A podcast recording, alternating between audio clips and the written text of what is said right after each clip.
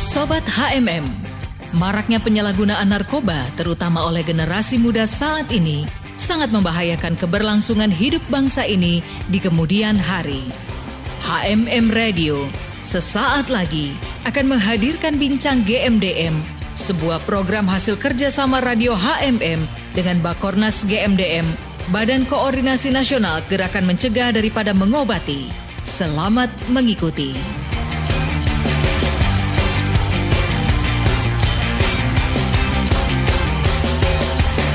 Dari kawasan Sentul Bogor, Indonesia, HMM Radio Praise and Worship in Unity Voice from Home. Shalom Sobat HMM di mana pun Anda berada, senang sekali Obed boleh kembali hadir untuk menemani Anda dalam talk show dengan GMDM, Garda Mencegah dan Mengobati. Dan sebelum kita masuk dalam perbincangan kita, izinkan yang satu ini.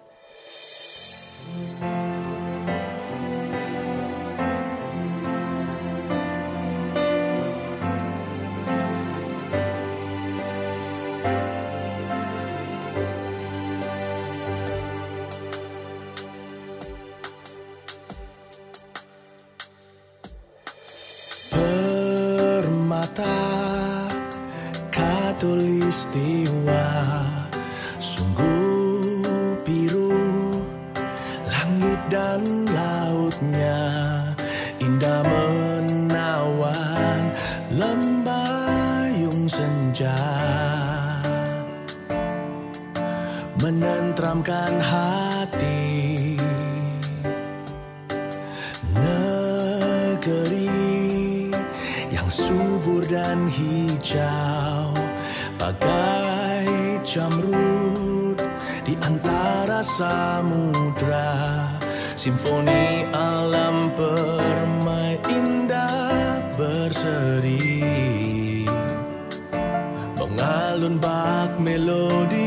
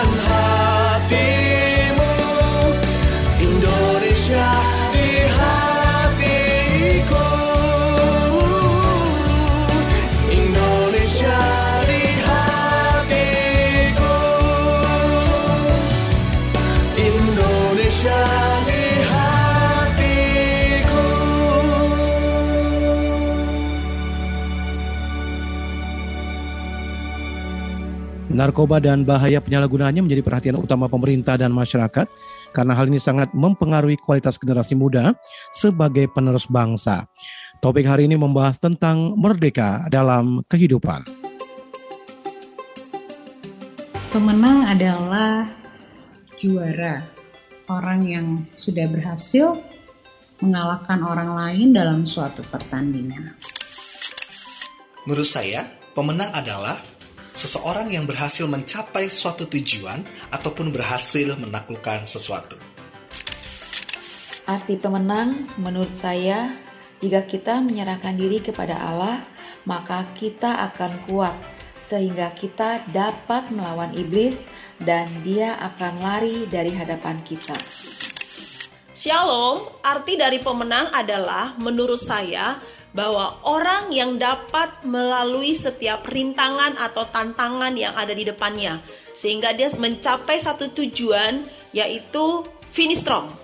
Jadi dia menang melalui segala apa pun yang dihadapi sehingga dia mencapai satu tujuan dan itu sampai dia berhasil. Amin. Baik, Sobat HMM kita tahu bersama bahwa di bulan Agustus kita merayakan kemerdekaan negeri kita tercinta Indonesia. Dan tentunya dalam kemerdekaan kita harus mengisinya dengan hal-hal yang bermanfaat, baik itu generasi muda dengan segala kreativitas yang ada. Dan dalam perbincangan kita sudah hadir narasumber bersama saya yang pertama ada Bung Ibob. Shalom Bung Ibob. Shalom, Bung Obed, apa kabar? Senang banget rasanya. Puji Tuhan ya. Aduh. Kita lama tentu tetap semangat ya, Bung Ibob ya.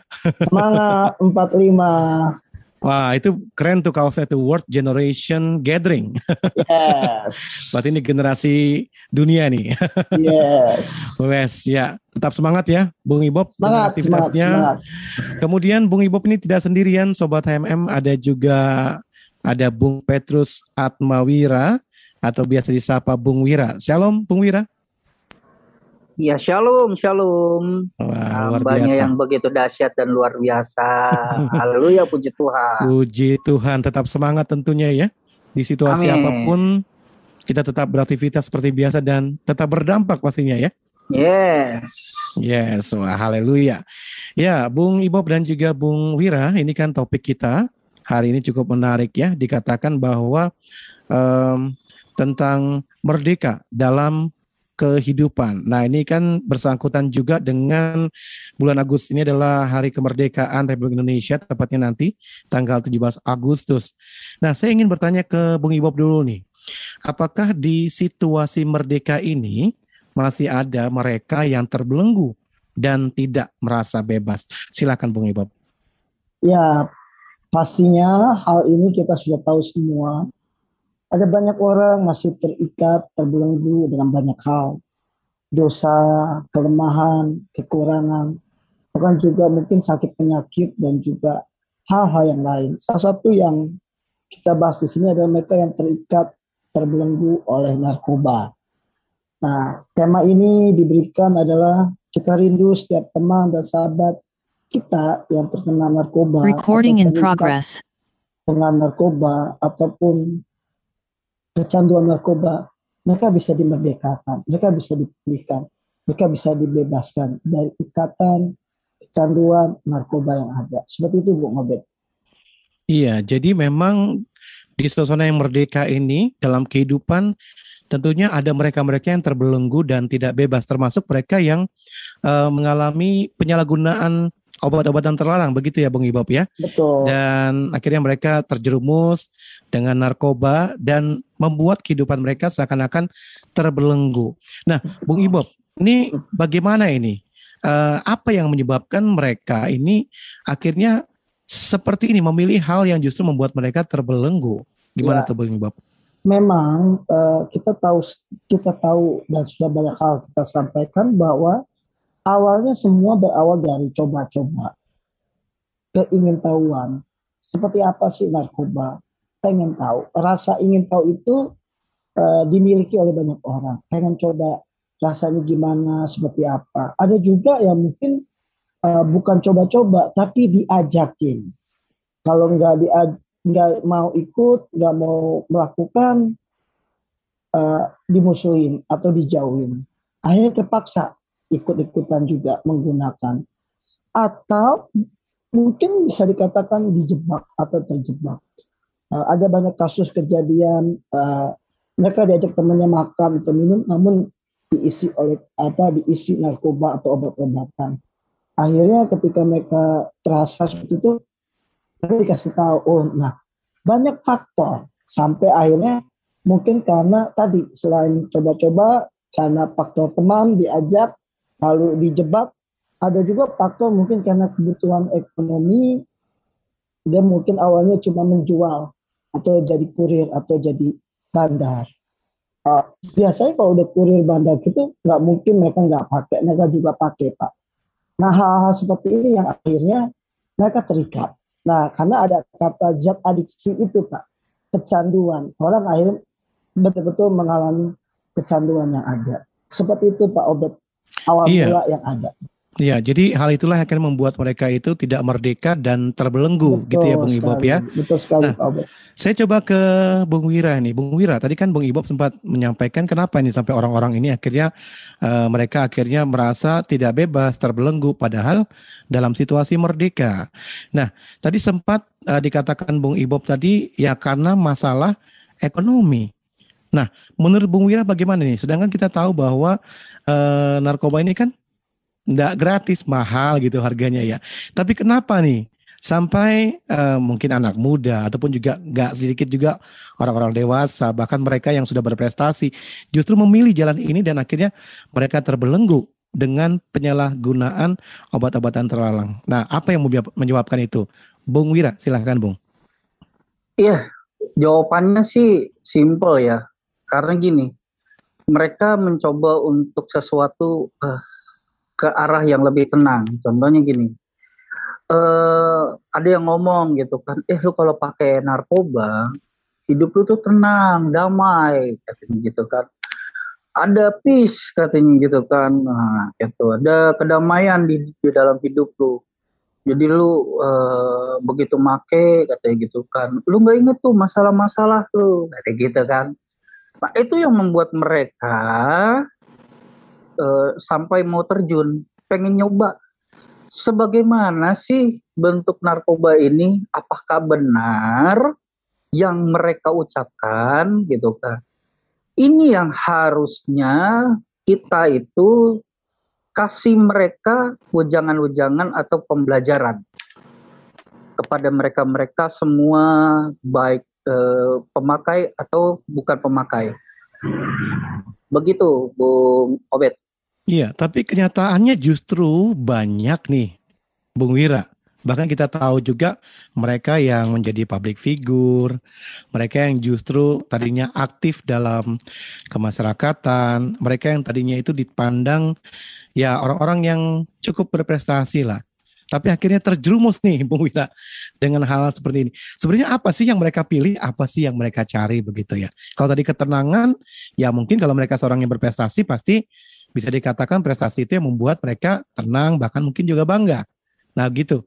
Gimana nih Bung Wira nih? Iya, Bung Obed. Eh, dulu saya tuh orang yang tenang banget, Bung Obed. Eh, saking tenangnya itu orang itu nggak ada yang tahu tentang permasalahan saya di rumah.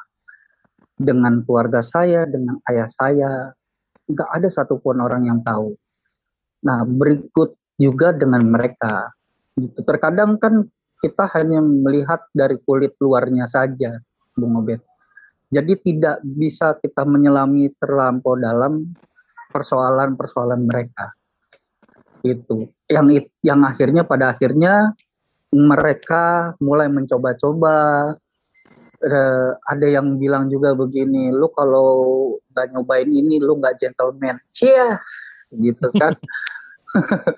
itu eh, bahasa-bahasa yang Cianya biasa aja. Waktu itu, gitu. Iya, makanya kan itu bahasa-bahasa yang ya sangat diinin kalau anak-anak muda zaman sekarang gitu kan. Lu nggak gaul men gitu gitu eh coy lu gagal bro sis lu hmm. gagal kalau lu nggak make gitu jadi ini kata-kata yang memotivasi pada hal yang tidak baik sebenarnya Bang Wira ya iya seperti itu itu yang lu membuat anak gak, muda uh. Ya, salah satunya contohnya. Itu yang membuat anak muda akhirnya gampang terjerumus. Hmm. Gampang terjerumus. Awalnya dulu eh, istilah kasarnya gini, lu kalau nggak ngerokok, lu bukan pria sejati bro gitu. Nah itu yang banyak akhirnya oh masa sih yes, gue pres jantan ya kan. Belum tahu aja kan gitu akhirnya seperti itu. Banyaklah anak-anak muda yang terjerumus ke dalamnya. Dari hmm. hal yang hmm. kecil masuk ke lingkup yang laga lebih besar. Begitu Bung Abed. Jadi sebenarnya perkataan orang lain membuat ibaratnya yang mendengarkan termotivasi. Kalau motivasinya bagus ya positif ya baik ya. Tapi kalau motivasi negatif ya seperti yang tadi dikatakan Bung Wira tadi akhirnya terjumus pada narkoba. Nah, Bung Ibob, gimana caranya nih supaya uh, tentunya yang mendengarkan nih entah itu anak muda kek, orang dewasa kek, supaya mereka tuh nggak mudah untuk terjerumus dengan kata-kata yang negatif tadi. Lu nggak keren, lu nggak gentle. Gimana tuh Bung Ibob? Ya, yang pertama itu sebenarnya kita harus sadar, tahu kebenaran siapa kita sendiri sesungguhnya. Siapa kita diri kita sendiri itu siapa di hadapan Tuhan. Kan suka dikatakan gambar diri kita itu bukan apa kata orang, hmm. tapi apa kata Tuhan dan firman Tuhan. Sadar siapa kita, kita serupa segambar dengan Tuhan kita biji mata Tuhan. Kita dibentuk, dijadikan, diciptakan untuk kemasyuran Tuhan. Bahkan rancangan Tuhan bukan rancangan kesalahan dan damai sejahtera masa depan penuh harapan. Ada banyak firman tentang hal ini. Pertama bicara tentang gambar diri. Orang mesti tahu, mesti kenal siapa dia. Kalau dibilang, ah cemen lu, ah bencong lu, ah lu nggak asik lu, ah lu nggak solider. Yang pertama tahu siapa kita, yang kedua tahu kebenaran. Nah, kita jelas jika kamu tahu kebenaran maka kebenaran itulah yang akan memerdekakan kamu. Kita tahu ini narkoba salah, ini melanggar hukum, ini nggak boleh. Akhirnya kita ngomong sorry bro nggak bisa nggak boleh. Kenapa? Karena ini dilarang pemerintah. Ini penyalahgunaan narkoba ini salah. Dan kita bisa ngomong kan tadi kita tahu kebenaran. Pertama kita tahu siapa diri kita. Kalau seseorang tahu dia anak raja, seseorang tahu dia adalah seorang putra atau pangeran, dia nggak akan tuh makan, jajan, jalan, makan pacaran sembarangan bu Obe. Hmm. Dia akan jaga dirinya. Tapi yeah. yang kedua adalah kalau dia tahu kebenaran, oh ini nggak boleh, ini salah. Dia tahu mana tangan kanan, mana tangan kiri. Dia tahu mana yang benar, mana yang salah. Dia tahu mana yang boleh, mana yang nggak boleh. Kalau dia tahu kebenaran ini, kita juga nggak akan terkena bujuk rayuan itu. Dengan kata-kata tadi kan nggak solider, nggak asik, nggak gaul, nggak enak. Nah, kita bisa ngomong, gue bukannya nggak asik, bukannya nggak gaul, bukannya nggak enak.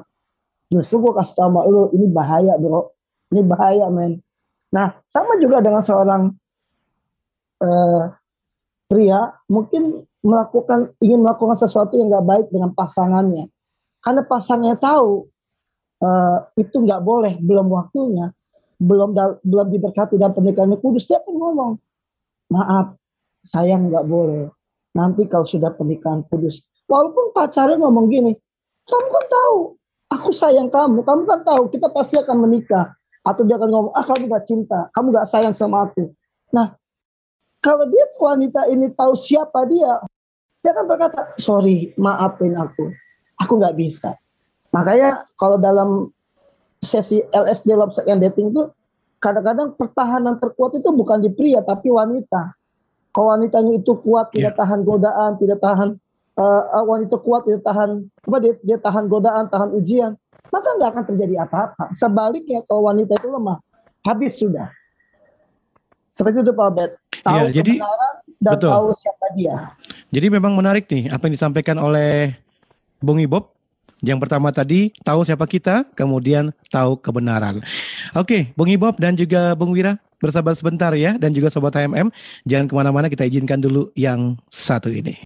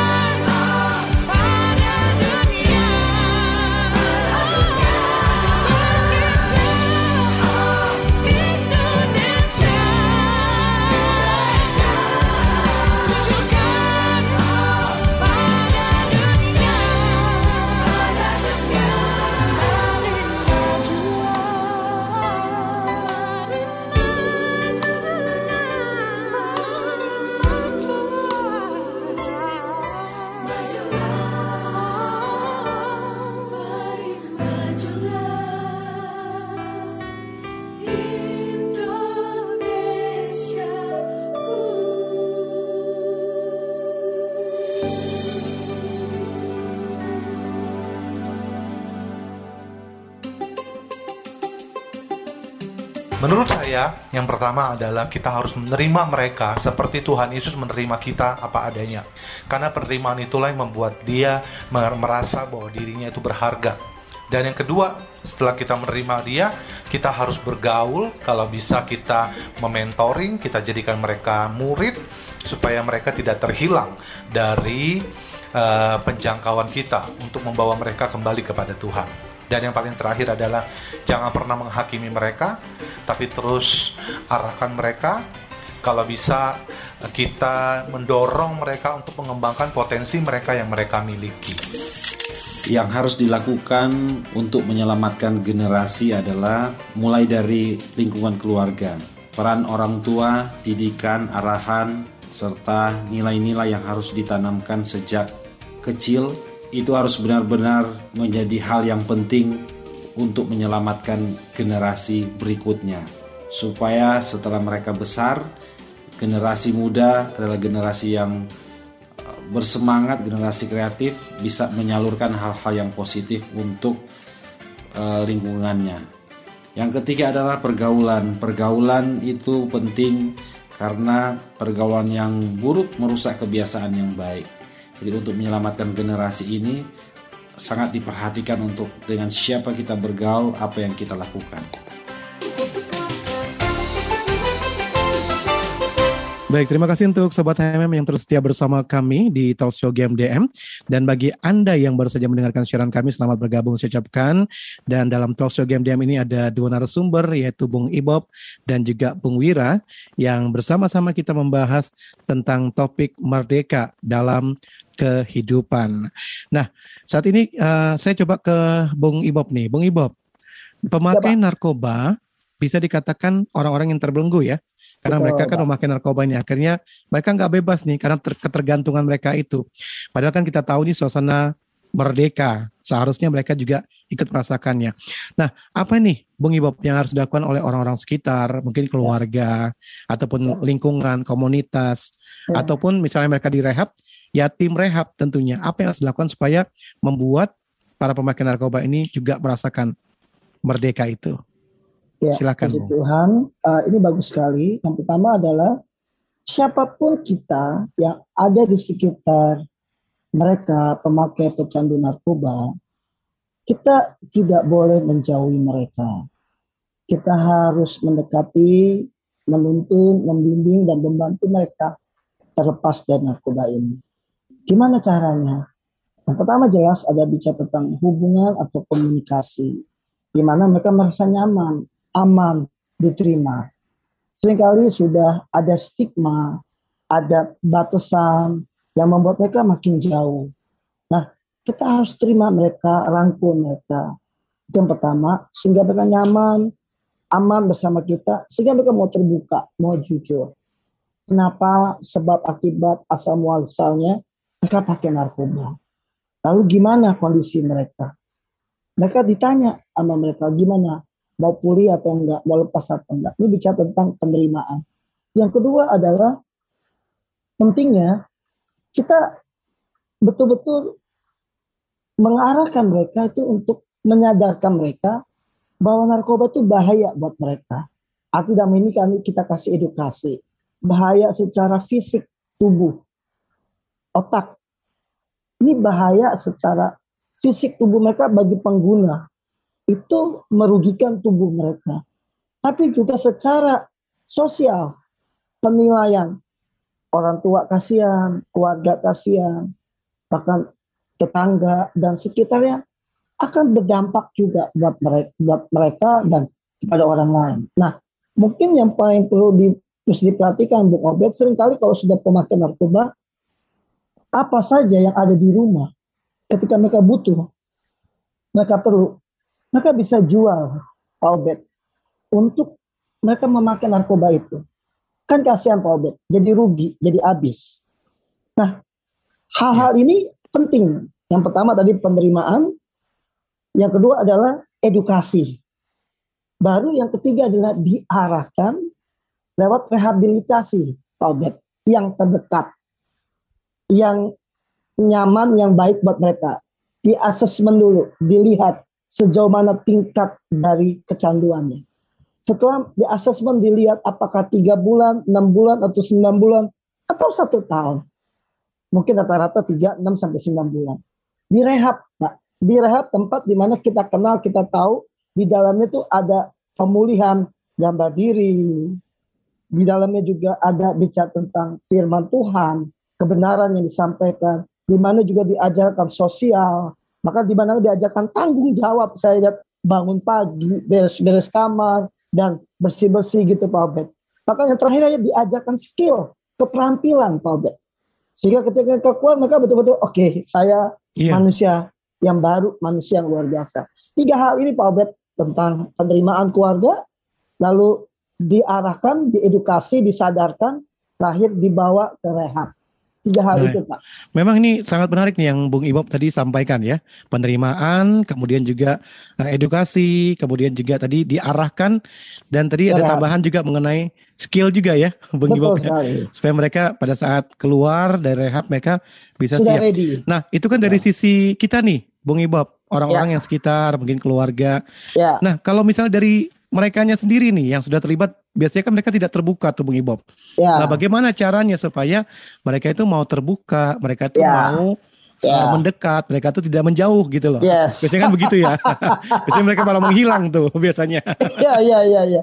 Nah ini dia tugas ini sebenarnya uh, yang pernah dengar kan ayat ini kan jenis ini hanya bisa diusir dengan doa dan puasa. Iya, iya. Nah pernah dengar ini. Artinya gini sebenarnya ini nggak lepas dari peranan serta Roh Kudus atau Tuhan dalam hidup seseorang. Bagian keluarga tetap mendoakan mereka. Bagian selain mendoakan tadi merangkul mereka, menerima mereka, dan yang ketiga menyadarkan mereka. Nah, ini terus menerus, Pak. Oh, mereka Iya. mungkin mengeles, nolak atau menjauh, tetapi percayalah seperti air yang menetes ke sebuah batu, terus menerus batu yang keras itu akhirnya pecah. Hmm. Wah, ini Usaha yang terus menerus dilakukan tanpa pamrih, tanpa lelah, terus menerus pasti akan berhasil, Pak Obed. Orang Betul. bukan orang. Tuhan bilang firman Tuhan berkata, indah tepat pada waktunya, Pak Obed. Amin. Ada waktunya, Pak Obed. Seperti itu, Pak Obed. Iya, ini menarik sekali nih Bung Ibob nih. Nah, coba saya sekarang ke Bung Wira nih, Bung Wira. Gimana nih dari tim rehab nih misalnya nih. Ternyata menemukan mereka yang ibaratnya tobat kumat gitu ya, relapse lagi. Apa yang harus dilakukan nih oleh ya Bung Wira mungkin bersama dengan teman-teman di GMDM untuk menyadarkan mereka yang terlibat kembali dengan narkoba ini. Silakan Bung Wira. Ya, kalau dari tim rehabnya sendiri pastinya ada eh, pemantauan-pemantauan untuk dari segi kerohanian pasti akan dipantau gitu ya kan, diajarkan gitu kan. Tapi yang paling terutama dari dari mereka semuanya mereka harus sadar diri dulu seperti yang tadi gitu kan bahwa mereka mau stop, mau berhenti gitu kan. Mereka sama-sama istilahnya gini loh, ada ada satu ya tekad yang kuat supaya mereka tuh lepas. Mereka mau lepas, melepaskan diri gitu. Eh seperti itu sih kalau saya bilang gitu ya Bung Mabit ya. Karena kalau dari diri mereka sendiri mereka nggak mau lepas, akan susah gitu kan. Kalau kita mau berbuat apa pun ya akan susah. Karena kenapa? Dari diri mereka sendiri mereka yang nggak mau lepas gitu. Itu Bung Abed. Iya, jadi memang dari diri mereka sendiri, mereka harus ada kemauan begitu ya, Bung Wira ya, supaya mereka bisa lepas dan akhirnya mereka bisa jauh dari penyalahgunaan obat-obatan terlarang. Itu kan harapan kita ya. Nah, Bung Wira mungkin bisa sih kasih apa ya? ca- caranya gimana tuh biar membuat para pemakai ini benar-benar mereka tuh merdeka dari penyalahgunaan obat-obatan terlarang. Silakan Bung Wira. Ya, yang namanya terikat itu pastinya terbelenggu, ya kan. Kalau mau bebas, ya buang belenggu itu. Buang jauh-jauh belenggu itu. Artinya mereka harus berani melangkah, gitu kan. Itu yang pertama, berani melangkah dulu deh. Punya tekad yang kuat. Saya mau berubah. Saya nggak mau eh, dikontrol oleh narkoba. Gitu. Eh, baru langkah yang selanjutnya adalah eh, yang pastinya tim rehab nanti akan membimbing mereka, memberikan arahan-arahan, memberikan masuk-masukannya kepada mereka, membimbing mereka secara kerohanian. Karena di dalam game-game sendiri itu ada tim rohaninya. Baik Muslim, baik Kristen, baik Hindu, dan sebagainya macamnya. Pasti ada. Gitu. Nah itu Iya. yang diberikan kepada mereka. Dan dibangun mental mereka supaya mereka uh, berani gitu. Berani untuk apa? Berani tidak katakan pada narkoba. Itu sih yang saya iniin gitu ya kan. Beberapa waktu yang lalu eh, pernah ada yang relapse gitu kan. Karena kenapa? Karena tekanan. Iya. Karena tekanan, karena ini, karena eh, macam-macam deh gitu ya, Bang Obed ya. Artinya, nah dasarnya itu harus dibangun dulu secara kuat. Mereka harus terbina, baik dikatakan tadi ada tiga bulan, enam bulan, sembilan bulan. Bahkan kalau sembilan kurang masih masih masih kurang gitu sembilan bulan, setahun Hmm. gitu. Mereka dibina harus benar-benar sampai yang namanya eh, bisa sadar diri bahwa mereka ini adalah orang-orang yang berguna, mereka adalah orang-orang yang eh, mempunyai eh, keahlian, gitu kan. Mereka sangat berguna bagi masyarakat di sekitar mereka. Iya, jadi mereka harus memang sadar dulu. sadar dulu ya. Mereka sadar Sadar. dulu, kemudian Ya. dibina dan memang butuh kerja keras ya, Bung Wira ya. Betul, betul banget. melakukan hal ini. Sangat-sangat gitu. Jadi gini, Hmm. ada dua sisi. Dua sisinya, yang pertama dari diri sendiri, yang kedua adalah mereka mau dibina oleh tim dari rehabilitasi. Hmm. Itu aja sih, Bung Obed. Iya, jadi memang dari diri mereka sendiri harus punya tekad untuk berubah. Kemudian yang kedua tadi dari tim rehab memang akan membina mereka. Tapi sekali lagi si pemakai ini memang harus menerima dengan komitmen bahwa mereka memang ingin berubah. Tentunya apa yang dilakukan oleh rekan-rekan di GMDM ini adalah sangat luar biasa dengan berbagai macam caranya untuk membuat mereka yang terbelunggu dengan narkoba ini merdeka dalam kehidupan. Ya, Bung Ibob, Ya. ini topik kita ini memang sangat mendarat dan merakyat ya. Ya, begitu. Karena eh, bisa diterima oleh siapa saja yang saat ini mendengarkan HMM Radio di mana pun berada. Nah, Ya. kita tentunya rindu ya mereka yang mantan pemakai narkoba ini yang sudah selesai direhab dalam kehidupannya mereka bisa berdampak. Nah, gimana nih Bung Ibob membuat eh, para mantan pemakai narkoba ini akhirnya juga ikut berpartisipasi dalam mengisi kemerdekaan itu. Silakan Bung Ibob. Ya, yang pertama sekali jelas banget ketika mereka direhab, dipastikan mereka kembali menyadari siapa diri mereka sesungguhnya. Artinya kesadaran tentang mereka itu dikembalikan itu tentang janda diri, sehingga mereka tidak lagi berbuat yang sama. Kalau menurut firman Tuhan, tidak kembali jatuh ke lubang yang sama atau kubangan yang sama. Kita ingatkan hal itu kalau mereka berharga, mulia, dan dikasih Tuhan. Kita ingatkan hal itu. Bahwa mereka serupa dan segambar dengan Tuhan. Nah, itu yang pertama. Yang kedua, tidak hanya itu, kita rindu juga orang tua atau keluarga, sanak famili, saudara, mereka harus belajar percaya dan menerima para eh, pecandu ini yang telah direhab. Ketika mereka kembali pulang, mereka diterima, dikasihi, dipercayai. Tapi yang ketiga, mereka selama ada di masa uh, rehabilitasi itu mereka dilatih di training skillnya dengan tadi pelatihan-pelatihan yang ada bengkel, laundry, service handphone atau yang lain-lainnya. Nah ini mereka harus uh, kuat di situ. Nah ketika mereka dilepas, kalau kita boleh ju- uh, bisa jujur atau bantu, kita harus kasih link ke mereka. Ini ada kerjaan di sini, ini ada tempat di sini sehingga mereka tidak kembali pulang nganggur, tapi betul-betul bisa diberdayakan.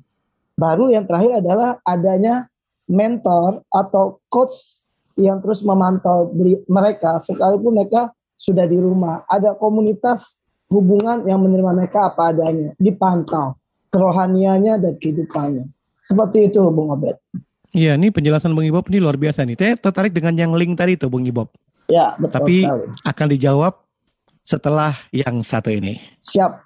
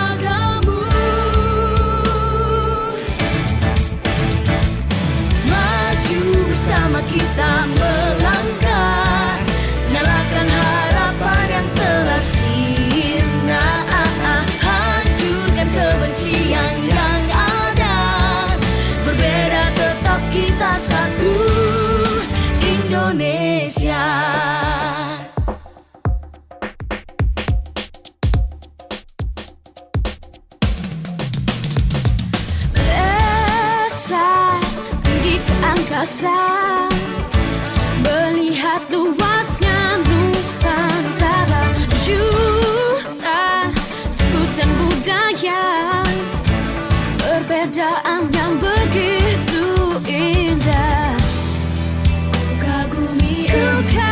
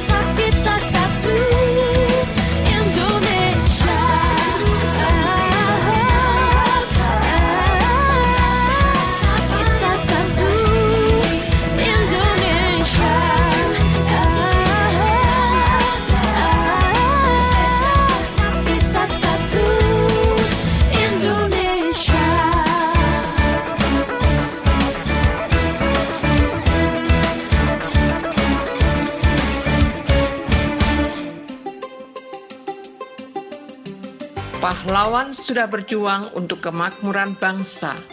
Jangan dirusak dengan narkoba. Saya Helena Hunitetu, aktivis gereja. Di masa lalu, pahlawan berjuang melawan penjajah. Narkoba adalah penjajah di masa kini. Mari kita kalahkan bersama. Saya, Novalinda Komboy, Duta Generasi Berencana Provinsi Papua tahun 2021. Semangat perjuangan pahlawan jangan dipadamkan dengan narkoba. Mari ciptakan bangsa yang sehat dan makmur. Saya Jason, jabatan saya mahasiswa. Pemakai narkoba adalah korban. Mari kita bersama-sama berjuang untuk memulihkan mereka. Saya Peter Nanlohi, full-timer gereja. Baik Sobat HMM, terima kasih untuk Anda yang terus setia bersama kami dan masih dalam talk show dengan Game DM Garda Mencegah dan Mengobati bersama Bung Ibob dan juga Bung Wira.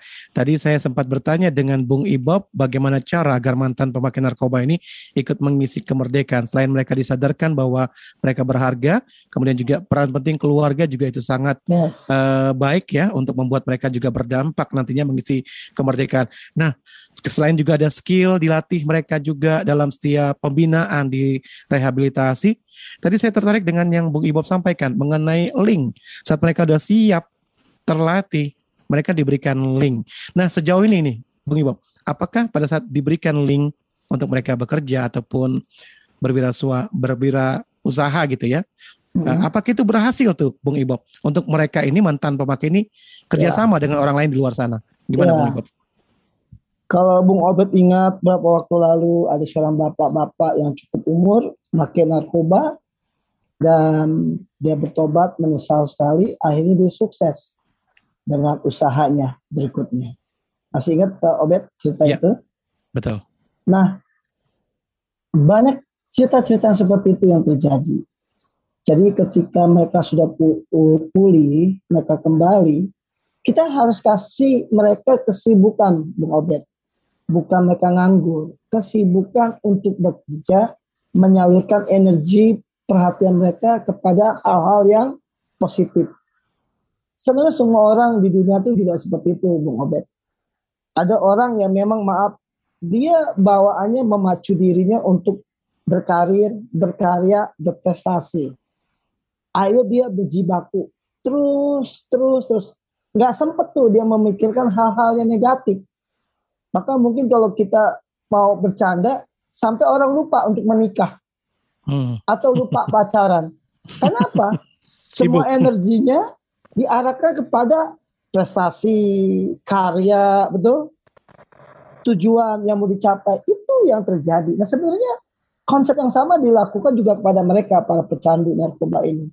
Tadi kan seperti tadi dikatakan dijelaskan siapa mereka, gambar diri mereka. Lalu kedua tujuan mereka apa sih? Goal mereka apa dalam hidup ini? Udah disampaikan. Lalu yang ketiga tadi setelah dilatih skillnya, suka nggak suka mau nggak mau kita kasih link mereka jalan jalur untuk mereka bekerja. Contohnya mereka udah latihan skill servis motor ya kita bawa kita arahkan ke bengkel-bengkel motor Bung Obed kan banyak lah bengkel-bengkel motor yang bukan eh, resmi dari eh, itu tapi bengkel-bengkel motor yang di toko-toko jalan-jalan yang mana Iya. mereka butuh orang pak nah itu yang dipercaya nah siapa mungkin kita punya teman kita punya sahabat kita punya punya orang yang bilang ini loh anak didik saya yang bisa di eh, apa bisa dipekerjakan mungkin tadinya awalnya ikut-ikutan akhirnya ketika lambat laun dia mulai mengerti memahami kan bisa Pak Obed Iya. Dua- Jadi mereka pun bisa dipercaya ya, Bung Ibob? betul itu Bisa dia ya? dua dua keuntungan Pak Obed sang Iya. pemilik toko itu bisa dapat karyawan tanda kutip cuma-cuma gampang dan murah bahasanya tanda kutip nggak repot-repot tetapi yang kedua yang sang eh, anak ini bisa dapat pekerjaan dan juga bisa melatih dirinya akhirnya nanti balance tuh akhirnya Hmm. kemampuannya naik akhirnya pun juga income yang didapat juga naik Nah, ini nih Bung Ibob nih satu lagi nih. Income-nya naik nih. betul karena kan Tentunya apakah bisa dipercaya nih? Ya, Masalah nah income naik ini apakah tidak membuat dia jatuh lagi dengan hal yang sama? Enggak. Sebenarnya gini, karena itu kan otomatis, itu kan proses Pak Obed. Enggak Ya. langsung kan, proses kan. Dari skill yang tadi biasa-biasa, dia dia diajari, dia dipercaya, ayo naik, naik, naik skillnya. Nggak mungkin dong kalau ini udah naik skillnya, income-nya tetap di sini pasti kan naik. Dikasih, dikasih, dikasih naik. Nah waktu dinaik ini kan ini butuh pro- proses, mungkin setahun, dua tahun, butuh kan. Lambat laun tuh dia udah melupakan hal itu semua. Iya. Nah, itu yang sebenarnya pola kehidupan di mana pun. Itu yang dikatakan being a leader, menjadi pemimpin. Seperti Iya, itu iya. Bung Obed. Iya, bagus sekali nih penjelasan Bung Ibob nih. Jadi memang perlu sekali memberikan link dan memberikan kepercayaan buat mereka Ya. dan akhirnya mereka skillnya juga energinya terpakai untuk hal yang positif. Amin. Akhirnya ibaratnya tadi seperti guyonan tadi ya, bisa lupa pacaran mungkin ya, lupa Iya, itu nikah. betul, betul Pak, betul. Saking sibuknya. Iya. luar biasa. Nah, eh, sekarang saya coba ke Bung Wira ini. Nah, Bung Wira itu tadi kan yang dijelaskan oleh Bung Ibob itu sangat bagus sekali. Tapi pastinya banyak kendala yang tentunya dihadapi juga nih oleh mereka mantan pemakai narkoba ini untuk mengisi eh, kehidupan apalagi sekarang dalam situasi kita akan merayakan kemerdekaan. Nah, gimana caranya untuk mengatasi kendala ini? Silakan Bung Wira. Iya, kalau masalah kendala eh, harusnya sih eh, mereka semua ini mempunyai satu komunitas. Agar kenapa? Agar yang namanya eh, bisa dibilang mereka tidak sendiri, mereka tidak eh, eh, apa ya, tidak secara garis besarnya mereka tidak berjalan dengan diri mereka sendiri. Gitu kan. Mereka punya destiny mereka punya tujuan. Gitu. Ar- ada pembina-pembina yang membimbing mereka mereka yang namanya bebas dong gitu kan 17 Agustus. Apa hari kemerdekaan ya harusnya mereka freedom mereka bebas. Mereka melakukan hal-hal banyak hal yang dianggap harusnya dianggap masyarakat itu berguna. Dianggap masyarakat itu keren gitu kan. Di dalam lingkupan keluarga. Nah, itu dia. Jadi memang harus ada pembina-pembina, bimbingan-bimbingan rohani, orang-orang terdekat yang mensupport mereka supaya mereka ada kekuatan gitu loh. Nah, ah, kalau ibaratnya gini, Recording stopped. ibaratnya ya. eh, jadi dari merekanya sendiri gitu kan, mereka harus punya motivasi. Saya pasti bisa melakukan ini, ini, ini dan itu. Begitu Bung Obed. Jadi supaya mereka nih gitu kan Recording tidak tidak bablas. progress. Jadi intinya adalah mereka mau berusaha mencapai titik-titik tersebut supaya kenapa? Supaya mereka eh, dapat dipahami oleh pihak keluarga, masyarakat, tujuan mereka sepertinya maunya apa. Nah itu dia harusnya ada orang-orang yang membimbing mereka seperti itu. Gitu Bung Abed. Iya, jadi memang eh, selain mereka sendiri juga punya komitmen untuk berubah, orang-orang yang membimbing mereka ini tadi sempat disebutkan juga Bung Ibob, mungkin seperti mentor gitu ya, Bung Wira ya. Jadi mentor ya akhirnya boleh Iya. mendampingi mereka, memberikan support senantiasa sehingga akhirnya membuat mereka bisa kuat gitu ya, Bung Wira ya. Benar, benar banget gitu. Jadi mm, mentor itu sangat menentukan gitu loh. Eh, yang paling menentukan sendiri sebenarnya kan adalah keputusan mereka, mereka mau berubah apa tidaknya. Tetapi di balik semua itu ada orang-orang terdekat, ada mentor yang selalu memantau kepribadian kehidupan mereka gitu. Supaya apa? Diingatkan bahwa ini loh tujuan kamu ke arahnya sini. Kamu harus terus fokus. Seperti anak panah di tangan pahlawan, begitulah pada masa muda mereka. Harusnya mereka seperti itu gitu, Bung Obed. Gitu kan, mereka tidak eh, khawatir tentang kehidupan mereka gitu. Dan Kalau yang paling utama Iya, dan yang paling utama Bung sebenarnya- sendiri gimana, Bung? Saat Ya. mementoring mereka ini ada nggak pernah mentoring entah seorang yang melakukan penyalahgunaan narkoba gitu, Bung Wira? Oh, oh iya, kemarin sempat kita ada komunikasi gitu kan yang Bung Obed ya. Jadi mereka sampai saya bilang gini, tulis gitu kan, kamu eh apa sih di masa depan kamu kamu mau jadi apa? Saya bilang seperti itu. Dia mau jadi apa? eh apa yang sudah disampaikan ilmu-ilmu yang sudah diterapkan oleh para pembimbing mereka mereka pengen jadi seperti pembimbing mereka itu gitu justru yang saya salut dari mereka seperti itu mereka ngomong sama saya saya pengen jadi eh, berkat bagi banyak orang yang eh, membutuhkan, terutama mereka para pemakai. Karena kenapa? Kata gitu kan, mereka itu tidak tahu saya sudah terlebih dahulu tahu. Makanya saya pengen jadi berkat bagi mereka semua. Begitu. Hmm, iya. Jadi berhasil lah ya apa yang dilakukan oleh para mentoring ini, begitu ya, Bung Wira? Ya, Iya. sepertinya kita sudah berada di penghujung talkshow kita nih, Bung Wira. Pastinya ada statement tentang topik kita hari ini mengenai merdeka dalam kehidupan. Silakan, Bung Wira.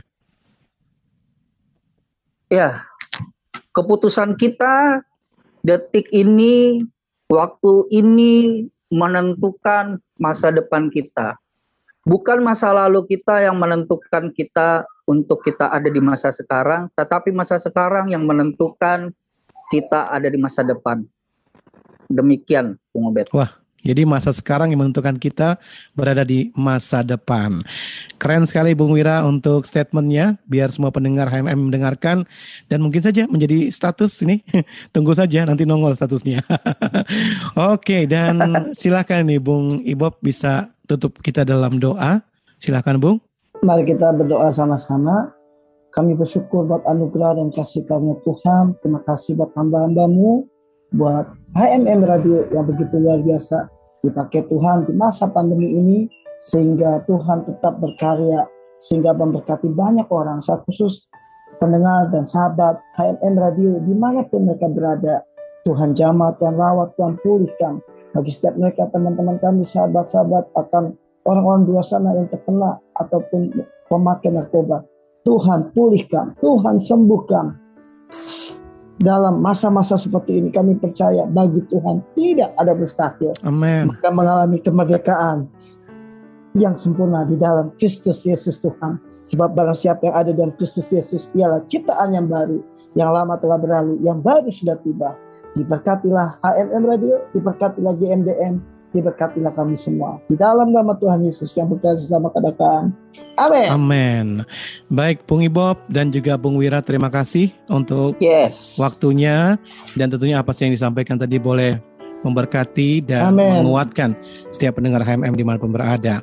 Ya, Sobat HMM Anda telah mengikuti perbincangan dengan GMDM Garda Mencegah dan Mengobati dengan topik Merdeka dalam Kehidupan.